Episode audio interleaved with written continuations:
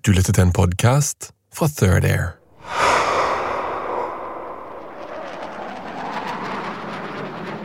Når en F-16 bryter lydmuren, så er det jo nesten uholdbart å være under. Det er som det går av en eh, Here's a cool fact a crocodile can't stick out its tongue. Another cool fact you can get short term health insurance for a month or just under a year in some states. United Healthcare short term insurance plans are designed for people who are between jobs, coming off their parents' plan, or turning a side hustle into a full time gig. Underwritten by Golden Rule Insurance Company, they offer flexible, budget friendly coverage with access to a nationwide network of doctors and hospitals. Get more cool facts about United Healthcare short term plans at uh1.com. Burrow is a furniture company known for timeless design and thoughtful construction and free shipping, and that extends to their outdoor collection. Their outdoor furniture is built to withstand the elements, featuring rust-proof stainless steel hardware, weather-ready teak, and quick-dry foam cushions. For Memorial Day, get 15% off your Burrow purchase at burrow.com slash ACAST and up to 25% off outdoor. That's up to 25% off outdoor furniture at burrow.com slash ACAST. eksplosjon, ikke sant, eh, noen hundre meter unna deg. Det her er beskrivelsene til folk som har stått på bakken mens et jagerfly bryter lydmuren. Det er sånn at du, du blir sint og provosert. Det er for høyt å være der. Andre har vært på innsida av huset sitt da det smeller. Det er et sånn formidabelt brak eh, som eh, forplanter seg i hele huset. Ja, Det høres ut som eh, høyttalerne som eh, deiser i gulvet på i rommet overfor deg. Idet et jagerfly bryter lydmuren, kommer det ikke bare et smell. Flyet skyter ei hvit sky ut bak seg. Litt som ringene til en gigantisk sigar oppe på himmelen. Og når sånne ting skjer, så blir det et ganske sånn kraftig sonisk smell da, som påvirker lufttrykket rundt omkring.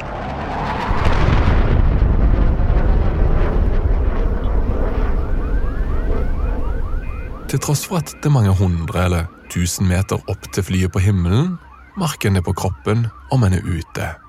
Dirre hele, hele kroppen din rister. Eh, vibrasjoner i kroppen. La oss si at du står ti meter unna en løvblåser, da. Og så rettes den løv løvblåseren mot kroppen din. og Det er nesten det samme du opplever når lydmuren brytes. da. Men så er det én ting til. En måte å beskrive brudd på lydmuren som ofte går igjen.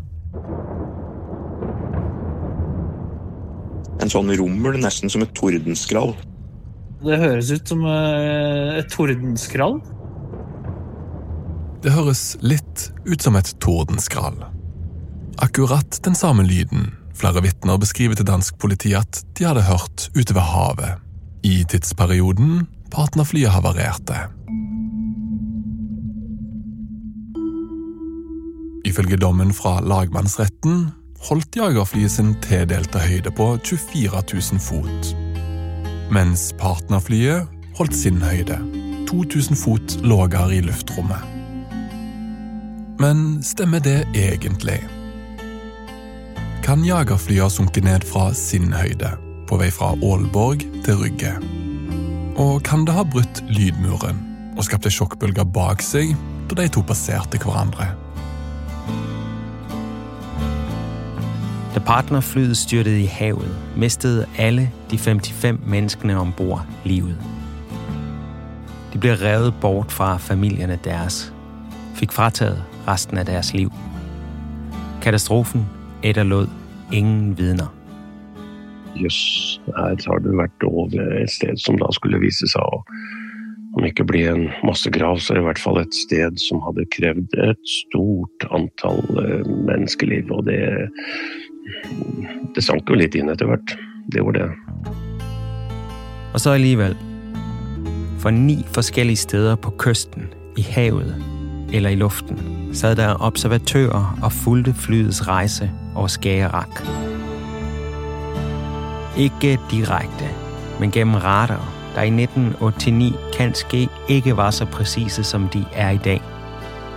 Alligevel er radarobservatørerne det tætteste vi kommer på vidner til katastrofen. Og hvad nogle af dem så, får du at høre i den fjerde episode af Partnermysteriet. Jeg skulle følge et F-16-fly fra Aalborg og opp til Rygge. Vi skulle renske radarbildet rundt det, så det ikke var noe tvil om hvor det lå. Men underveis så, så vi at det lå på samme kurs med en eh, sivil passasjerfly. Eh, det som var det litt eh, spesielle her, da, var jo at når, når de flya passerte, så kom bare det militære signalet videre, og det sivile signalet ble borte. Jeg heter Rasmus Spitz, og det er Lars Christian Øverland, der forteller.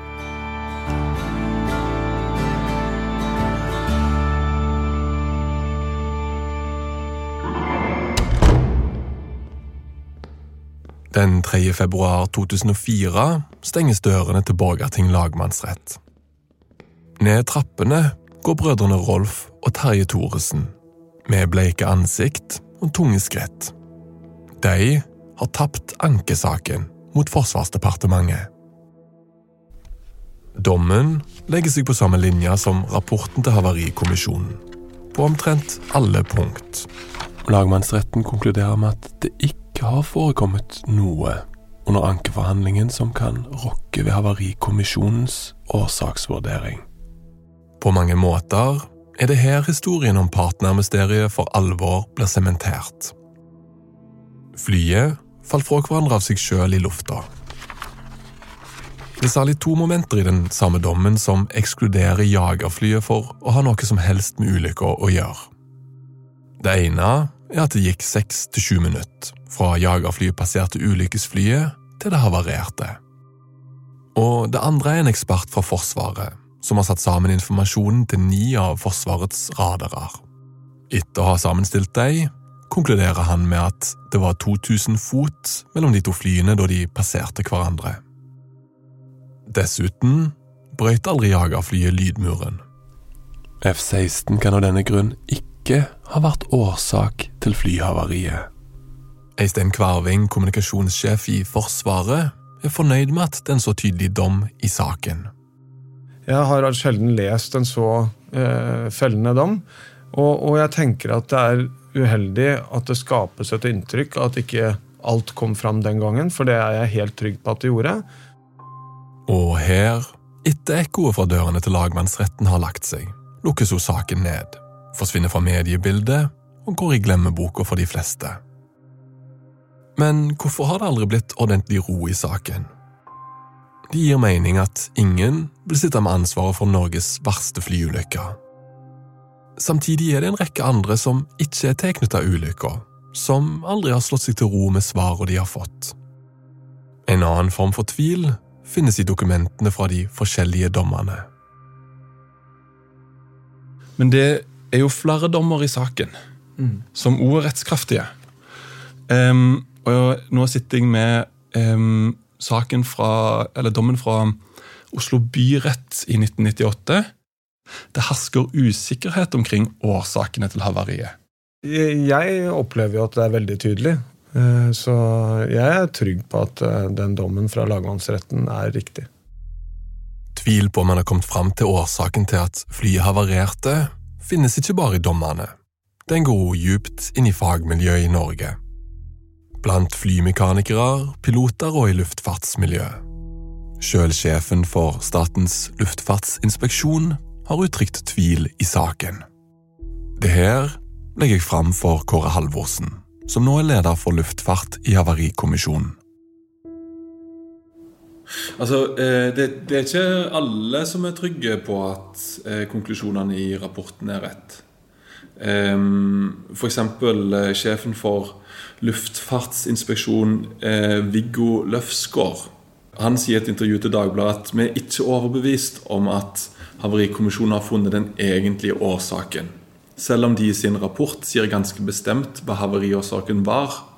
Det er mange spesialister som ikke er overbevist om at det er riktig. Men vi har ingen annen teori som vi kan underbygge. Ja, nei, Jeg kan ikke kommentere hva Løfsgaard mente og tenkte i den sammenheng. Sjefen for Luftfartsinspeksjonen sin tvil om at Havarikommisjonen har funnet den egentlige årsaken til ulykka, er selvsagt ikke nok for å få saken gjenopptatt. Hva skal til for at dere ser på en sak på nytt? Det står i luftfartsloven at, eh, at dersom det fremkom ny og vesentlig informasjon, så, eh, så skal Havarikommisjonen vurdere, vurdere dem og eventuelt ta opp igjen saken. Ny og vesentlig informasjon? Ny og vesentlig informasjon. Hva, hva vil det f.eks. kunne ha vært i dette tilfellet? Nei, hva det kan være Det er jo Det må jo være noe som da sier at uh, Gitt at uh, alle de ni radar Resultatet fra alle de ni radar, radarstasjonene viser seg å være feil, f.eks. Det er selvsagt kun et eksempel som Halvorsen kommer med. Men la oss ta den på ordet for nå, og se på noen av radarene. En ting som er viktig å nevne her, er at informasjonen fra radarer, særlig fra 89, er unøyaktige. Dessuten er det komplisert. Men at radardataene er viktige, skjønner jeg. Det er de som har blitt brukt som bevis for at jagerflyet lå i den tildelte høyden sin, 2000 fot, over partnerflyet, og at det ikke brøt lydmuren da de to passerte hverandre. Det er radarene jeg leser om i dommen fra lagmannsretten, da jeg legger merke til det. Noe som jeg ikke får til å gå helt opp. Eller noe som det står at radaroperatør Stein Magne Osmoen fra Luftforsvaret skal ha sagt, for å være mer presis. Osmoen kunne selv ikke huske noe spesielt fra havaridagen. Problemet er at det som står, går på tvers av det han sjøl sier, i de gamle opptakene jeg fikk med meg fra Katapultfilm i Drammen. Så hvilken versjon av sannheten stemmer? Den i dommen fra lagmannsretten? Eller den fra de gamle intervjuene jeg sitter på? Ja, Stein Magne. Hei, Stein Magne. Det er Det er Lars Kristian Øverland. Og har en tendens til å ta dommer som endelig sannhet, hogge i stein. Men um, grunnen til at jeg ringer deg, er fordi jeg sitter på noen gamle opptak med deg, som er over, over 15 år gamle nå. Mm. Men jeg vet fra andre dommer at det ikke er så enkelt. Eller svart-hvitt, om du vil. Fra 2004, fra lagmannsretten, så står det noe som jeg ikke får helt til å gå opp. Men her står det at du ikke husker noe. Om det står at jeg ikke husker noen ting, så er jo det bent fram totalt feil. Altså, det, det betyr jo helt enkelt at det som står i dommen, er direkte beviselig feil. Ja, det er løgn. For jeg sa akkurat hva jeg huska. Det vitneutsagnet her er for viktig til å tilsidesettes med et pennestrøk. Fordi det handler om nettopp hvor nært jagerflyet var, og om det brøyt lydmuren. Og siden det står i dommen at han ikke husker noe spesielt fra havaridagen, så skal du få Stein Magne Osmoen sin egentlige vitneobservasjon her.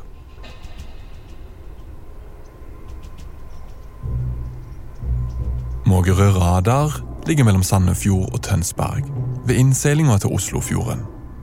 Den er lett synlig, med tre runde kupler som ligner på store golfballer på steroider. Operatørrommet derimot er ikke så lett å få øye på. Det ligger nemlig inne i fjellet, et steinkast fra radarkuplene. I 1989 var det fullt med skjermer, faksmaskiner og tidlige datamaskiner. Det er i denne hallen Stein Magne Osmoen sitter 8.9.1989. Her har jeg valgt å bytte til de gamle opptakene jeg fikk. Ikke fordi Stein Magne har glemt ut historien. Tvert imot. Den har han fortalt konsistent. Men de tar oss tettere på tida det skjedde. Det er Kåre Hunstad du kan høre stille spørsmål. Eh, Jeg var jo utplassert der som fast eh, soldat da, gjennom eh, verneplikt og førstegangstjeneste. Hva var din oppgave? Der var min oppgave å plotte fly og eventuelt fjerne det som vi kalte for doble signaler og, og sådanne ting. Hvilke Få, få et renere radarbilde. Det har nettopp vært en Nato-øvelse i området som er ferdig. Så det er rolig i kontrollrommet inne i fjellet. Men det er en annen ting som er viktig med denne vitneobservasjonen. For Stein Magne Osmoen er ikke alene. Han sitter foran skjermen og følger med på fly sammen med Ketil Mek. De to gjør førstegangstjenesten sin som radarobservatører. Og så satt jeg hos Stein Magne og plotta en par fly. Siden de lite å gjøre, får de to beskjed om å plotte ett konkret fly. Jeg skulle følge et F-16-fly fra Aalborg og opp til Rygge. Jeg skulle renske radarbildet rundt det, så det ikke var noe tvil om hvor det lå. Men underveis så, så vi at det lå på samme kurs med en sivil sivil passasjerfly. F-16-flyet er jagerflyet, som om litt skal kalle opp flygelederen ved Fornebu og spørre om han hadde kontroll på airlineren han fikk rett på trynet. Og passasjerflyet er selvsagt partnerflyet. Men nå er det ikke bare de to radarobservatørene sine øyne som ser en mulig konflikt på skjermen. Det går en alarm i kontrollrommet. Flyene har fått tildelt hver sin høyde i lufta, og det skal egentlig være 2000 fot mellom de. Men alarmen er programmert til å gå av når fly har en kurs som om litt vil føre de for nær. Et varsel om en konflikt i framtida, om du vil. På skjermen til radaroperatørene manifesterer de to flyene seg som hver sin prikk, som kommer nærmere og nærmere hverandre. Helt til de møtes. Og radarbildet smelta sammen i ett. Nå er det bare én prikk på radarbildet. Det er ikke helt uvanlig når flyet får nær hverandre. Samtidig er det heller ikke normalt at prikkene smelter sammen når det er 2000 fot i høydeforskjell. Som jo er det rapporten til Havarikommisjonen legger til grunne at det var. Og så oppdaga vi plutselig at eh, det ene plottet forsvant. Og da gikk vi inn på litt eh, større skjermer vi hadde muligheten til. Og vi så fant fortsatt ikke partnerflyet. Men F-16-fly var fortsatt videre nordover. Det som var det litt eh, spesielle her, da, var jo at når, når de flya passerte, så kom bare det militære signalet videre, og det sivile signalet ble borte. På den andre sida av riksgrensa fanger en radar fra det svenske forsvaret opp de to flyene. Det hele er beskrevet i et dokument, stempla inn på Havarikommisjonen 13.1.1993. Skrevet av den svenske radaroperatøren Gunno Gunvald, som har lagra opptaket fra radaren. Hvis tar jeg filmen kvar, og tenker å ha den flere år til. Og på hans radarbilde ligger de to flyene så nær at de smelter sammen til én prikk. Men han har problemer med radarbildet fra passasjen, forkaster det og forsøker å regne seg fram til et resultat.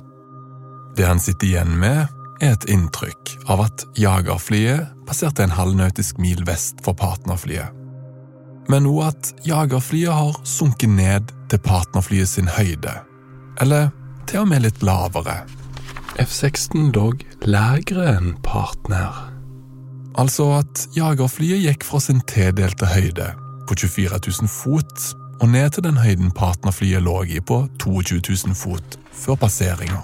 F-16 først steg over Jylland, men minskade høyden før møtet med partner. Er dette riktig? Han legger til at det er en usikkerhet rundt det her. Men det er jo her historien blir merkeligere. For Gunvald lever ikke lenger, men Kåre Hunstad, som ga meg opptaka, nådde å snakke med han den 15. desember 2006. Her er Kåre. Altså, jeg hadde jo lest eh, dokumentet hvor han avgir en eh, rapport om hva han mener han har sett den dagen han da fulgte med på radar. Ja. Og jeg ville gjerne høre litt nærmere hva han husket fra akkurat dette. Men han var ikke veldig interessert i å snakke om akkurat denne hendelsen. Uh, og han sier vel noe sånt noe som at han hadde diskutert dette med Havarikommisjonen. Ja. Og der blitt uh, forklart at han nok uh, hadde tatt feil. neppe hadde sett det han faktisk har skrevet egen rapport om. Så han Han står vel ikke ved den rapporten han i sin tid har gitt, da. Hvordan reagerte du da på, på det intervjuet etter du hadde gjort eller den bakgrunnssamtalen? Man sitter vel igjen med et inntrykk av at han har blitt eh, på noen måte eh, blitt snakka til eller irettesatt eller eh, overbevist om at han nok har tatt feil. Jeg forsøker å kontakte inspektøren for Havarikommisjonen, som hadde dialogen med den svenske radaroperatøren. Det er Jon Pran. Han som jeg hadde kontakt med tidligere, som ikke kunne stille til intervju fordi han hadde mista stemmen sin. Jeg spør hvorfor endrer Gunvald oppfattelse av distansen mellom partnerflyet og jagerflyet, etter å ha prata med deg? Jeg får ikke svar fra Pran. One size fits all seemed like a good idea for clothes Nice dress. Uh, it's a it's a t-shirt. until you tried it on. Same goes for your healthcare. That's why United Healthcare offers a variety of flexible, budget friendly coverage for medical, vision, dental, and more. So, whether you're between jobs, coming off a parent's plan, or even missed open enrollment, you can find the plan that fits you best. Find out more about United Healthcare coverage at uh1.com. That's uh1.com. It's that time of the year. Your vacation is coming up. You can already hear the beach waves, feel the warm breeze, relax, and think about work. You really, really want it all to work out while you're away. Monday.com gives you and the team that peace of mind. When all work is on one platform and everyone's in sync, things just flow wherever you are. Tap the banner to go to Monday.com. Burrow's furniture is built for the way you live. From ensuring easy assembly and disassembly to honoring highly requested new colors for their award-winning seating, they always have their customers in mind. Their modular seating is made out of durable materials to last and grow with you. And with Burrow, you always get fast, free shipping.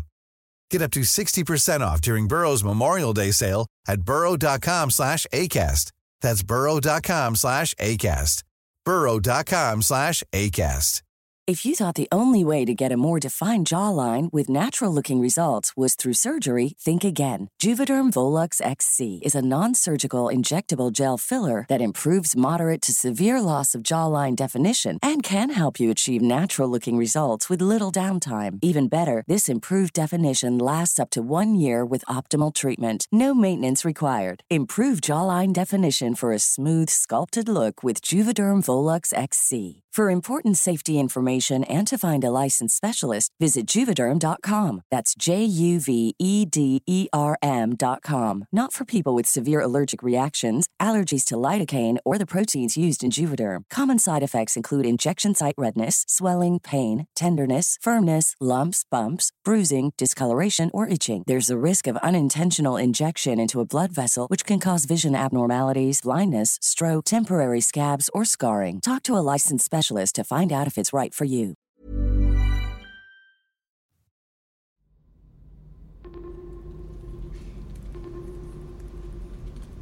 Inne i fjellhallen har de to radarobservatørene sett jagerflyet og partnerflyet smelte sammen på skjermen sin. Prikken til jagerflyet fortsetter, mens partnerflyet forsvinner. Men etter en fem minutters tid så var det fortsatt borte, og da gikk vi bort til grenaderen og varsla det vi hadde sett.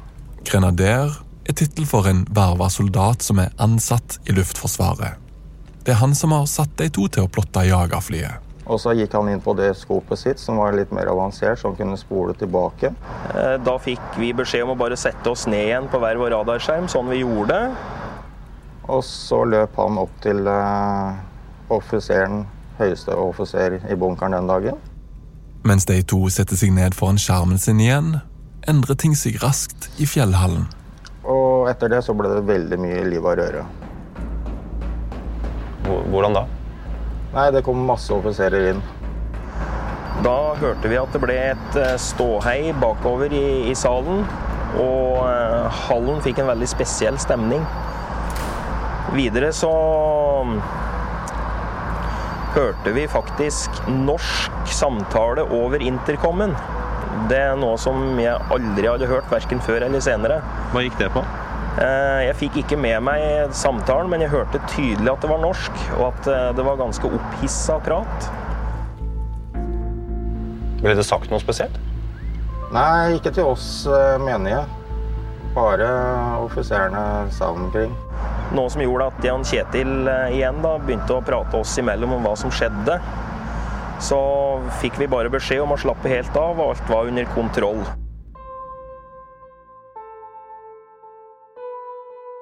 Neste morgen er det brifing for deg i operatørrommet.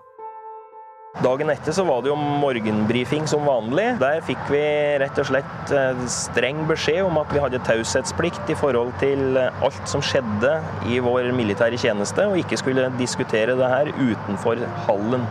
Dvs. Si utenfor fjellhallen vår. Der da fikk vi beskjed om at vi hadde taushetsplikt om det vi hadde sett. Fikk beskjed om å holde kjeft. Dere ble aldri bedt om å skrive noe egen rapport eller lignende? Nei, det var ikke vår oppgave. Dere ble heller aldri spurt om hva dere faktisk hadde vært vitne til? Nei. Opptaket av Ketil Mek og Stein Magne Osmoen er gjort i 2006. To år etter dommen i lagmannsretten. De to har forklart seg konsistent om ulykka en rekke ganger over de siste 30 åra. Det er viktig å si at det er mer enn én en ting med den observasjonen eller brikka i puslespillet som ikke går opp med det store bildet. For etter jagerflyet og partnerflyet passerer hverandre, går det seks til sju minutter for havariet er et faktum. Så at prikken til partnerflyet forsvinner fra radarskjermen, harmonerer ikke med tidspunktet partnerflyet faller ned fra himmelen. Men det er det her begge radarobservatørene forteller at de så på ulykkesdagen. Og så er det én ting til som er viktig fra de her vitneobservasjonene. For i både rapporten til Havarikommisjonen og dommen fra lagmannsretten slår de fast at jagerflyet aldri brøyt lydmuren. Men først bør du vite at én makk er verdien hvor et fly bryter lydmuren. Kan du huske hvor eh, fort F-16-flyet fløy? Ja, det fløy mellom 1,2 og 1,3 Mac. Men hevder du at, at F-16 fløy altså eh, 1,2-1,3 Mach eh, rundt passeringstidspunktet? Både før og etter. Registrerte du hastigheten på F-16-maskinen?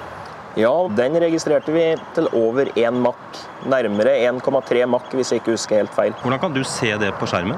Det står et tall på skjermen som viser mer eller mindre 100% korrekt fart, pluss at vi har noe som vi kalte for en, en strobe, dvs. Si en sånn strek foran flyet, som viste sånn noenlunde når du hadde vært der en stund, hvor fort det flyet gikk. Så det kunne du se veldig fort når du var trent. Havarikommisjonen har jo slått fast at F-16-flyet aldri brøyt lydmuren. Det er feil. Det F-16-flyet det brøt lydmuren med en gang det gikk over 1 Mach. Men nå som du har hørt Stein Magne Osmoen sin versjon av hva som skjedde den dagen partnerflyet havarerte, gjenstår fortsatt spørsmålet hvordan kan det ha seg at det i dommen står han ikke husker noe spesielt fra havaridagen? Den forklaringen skal du få nå. For 15 år etter de to radarobservatørene så jagerflyet og partnerflyet smelte sammen på skjermen, blir begge kalt inn som vitner til rettssaken. Stein Magne blir kontakta av regjeringsadvokaten. Stilte meg massevis av sånne spørsmål sånn som du har stilt meg nå, ikke sant, med, med litt sånn jovial tone. Eh, og at eh, han sa også konkret flere ganger at eh, vi er ute etter bare én ting, og det er sannheten. Men når han kom inn i retten, får han den første overraskelsen.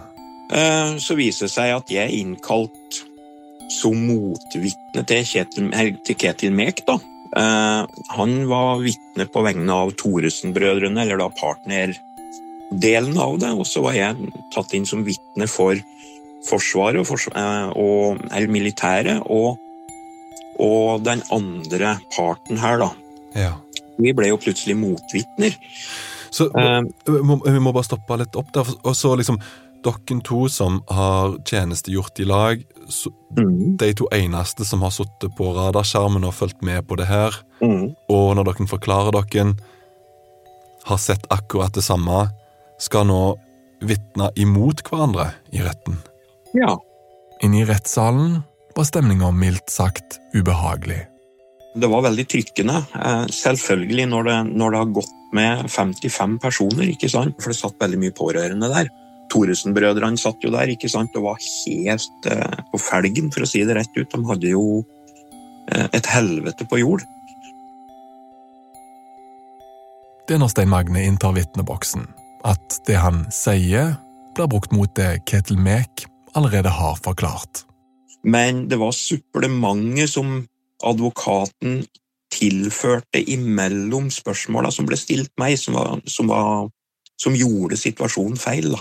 For du, du, kan jo ikke avbryte en advokat og si at nei, nei, det var ikke det jeg mente. Ikke sant? Det, det er jo uhørt. Så, så, når du føler at de svar du gir på en måte blir manipulert til å passe inn i en annen vinkling, så er jo det en ganske ubehagelig situasjon å sitte i. da. Du blir satt opp imot han ja. som du har sittet og sett akkurat det samme på radarskjermen sammen med? Ja, det, jeg følte det. Og i dommen så står det at du ikke husker noe. Ja. En dom er noe vi gjerne ser på som en sannhet. Det som virkelig skjedde. Men vi vet òg fra tidligere saker at det ikke alltid er så enkelt, og at det er gode grunner til å stille spørsmål og dobbeltsjekke både det som står og konklusjonene som blir dratt. Ja, ikke sant, om du har en puslespillbit som ikke helt passer inn, så gir du den en kavring med en stor hammer, så går den jo på plass, ikke sant, men eh, den passer jo ikke der allikevel, sjøl om den sitter der. Etter vitneforklaringen forlater begge de to rettssalen.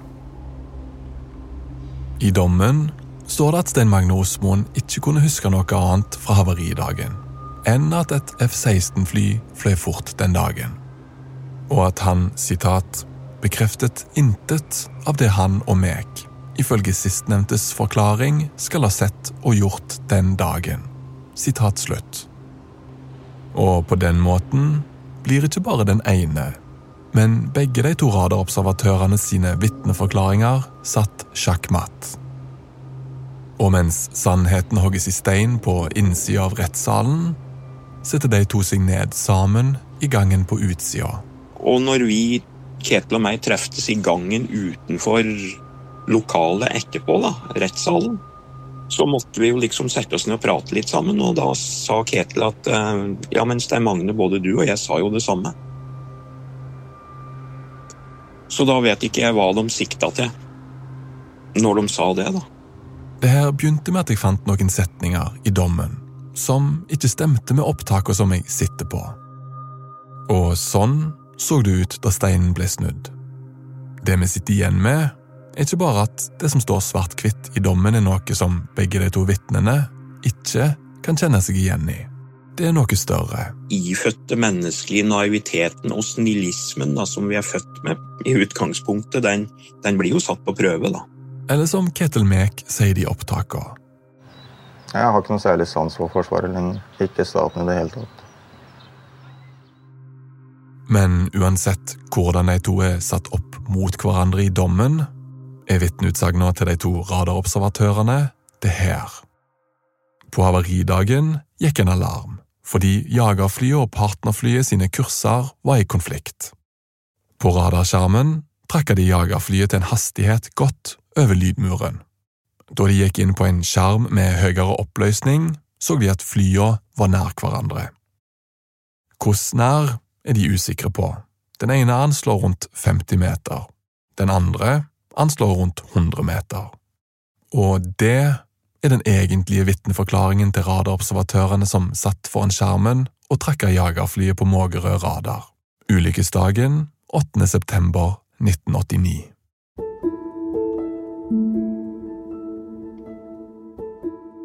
Havarikommisjonen har undersøkt observasjonene fra ni forskjellige radarer. Flere av de bygger opp under det som rapporten har kommet fram til, at det var en betydelig avstand mellom flyene. De mener òg at informasjonen fra Mågerø radar, hvor Stein Magne Osmoen og Ketil Mek trekker flyet, bygger opp under konklusjonene i rapporten. Altså at flyene ikke var nær hverandre, i motsetning til det de to radarobservatørene sjøl forteller. Rapporten også fast at jagerfly føyk under lydmuren. Men det er ut ifra en beregning av gjennomsnittshastigheten over tre minutter rundt passeringa. Hastigheten til F-16 var da ifølge rapporten 0,87 Mach. En kan ikke lese noe om radarobservasjonene som ikke stemte med dette bildet i rapporten. De er utelatt. Kanskje fordi radarer er kompliserte og upresise, som jeg nevnte i begynnelsen. Men det er én utelatelse som det er verdt å løfte fram. Nemlig den fra radaren som har best perspektiv. Eller høyest oppe, om du vil. En AVAX-radar. Det er et rekognoseringsfly som ligger høyt over all annen flytrafikk. Med en rund disk som stikker opp fra halepartiet, blir den ofte kalt The All-Seeing Eye. For akkurat det øyeblikket de to flyene passerer hverandre i lufta, skulle AVAX-radaren kunne ha gitt oss det beste bildet på hvor nær de to flyene var.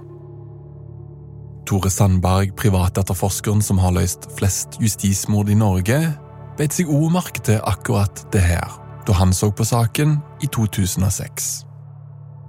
Det var et Nato Avax-fly som uh, lå et stykke unna. Uh, det har registrert begge flyene.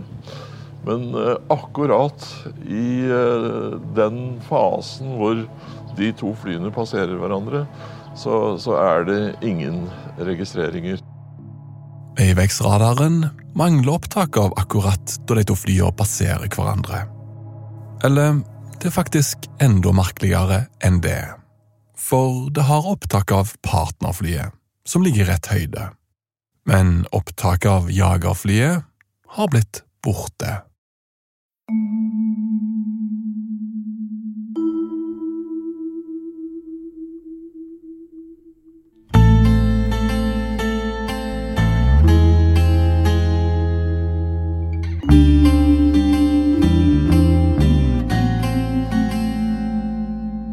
Det er ikke bare journalister, flyejere og radaroperatører, der ikke mener, den her saken er løst tilfredsstillende. I næste episode så får du for eksempel at høre fra Bitten, som var sambo med piloten, som svælte tandpirken. Hva er det du reagerer mest på?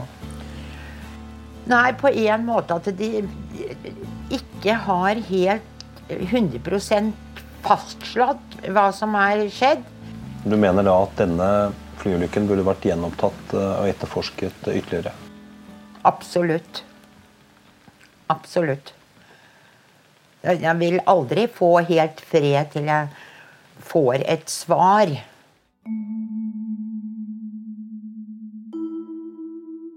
Det var journalist Kåre Hundstad, der talt med Bitten for mer enn 10 år siden, og hun lever ikke lenger i dag. Men intervjuet med henne får du i næste episode. Og det er også den forløbige sidste episode af serien om partnermysteriet.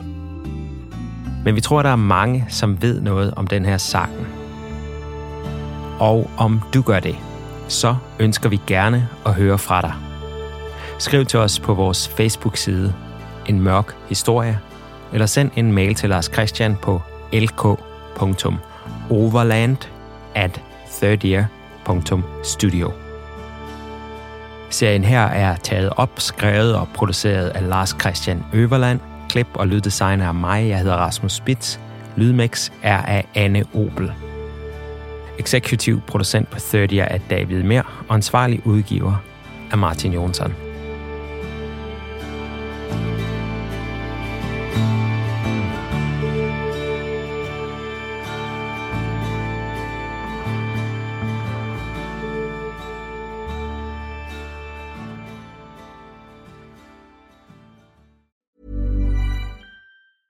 Planning for your next trip?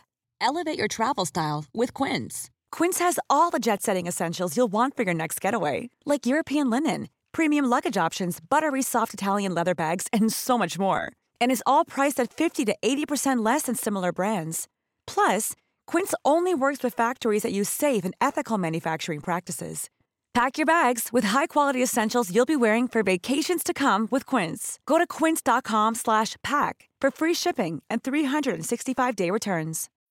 When you need mealtime inspiration, it's worth shopping Kroger, where you'll find over 30,000 mouthwatering choices that excite your inner foodie. And no matter what tasty choice you make, you'll enjoy our everyday low prices, plus extra ways to save, like digital coupons worth over $600 each week. You can also save up to $1 off per gallon at the pump with fuel points. More savings and more inspiring flavors make shopping Kroger worth it every time. Kroger, fresh for everyone. Fuel restrictions apply.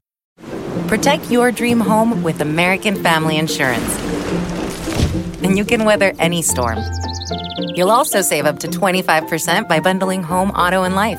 American Family Insurance. Get a quote. Find an agent at amfam.com. Products not available in every state. Discounts may not apply to all coverages on an auto or home policy. Discounts do not apply to life insurance policies. Visit amfam.com to learn how discounts may apply to you. American Family Mutual Insurance Company SI and its operating companies American Family Life Insurance Company 6000 American Parkway, Madison, Wisconsin.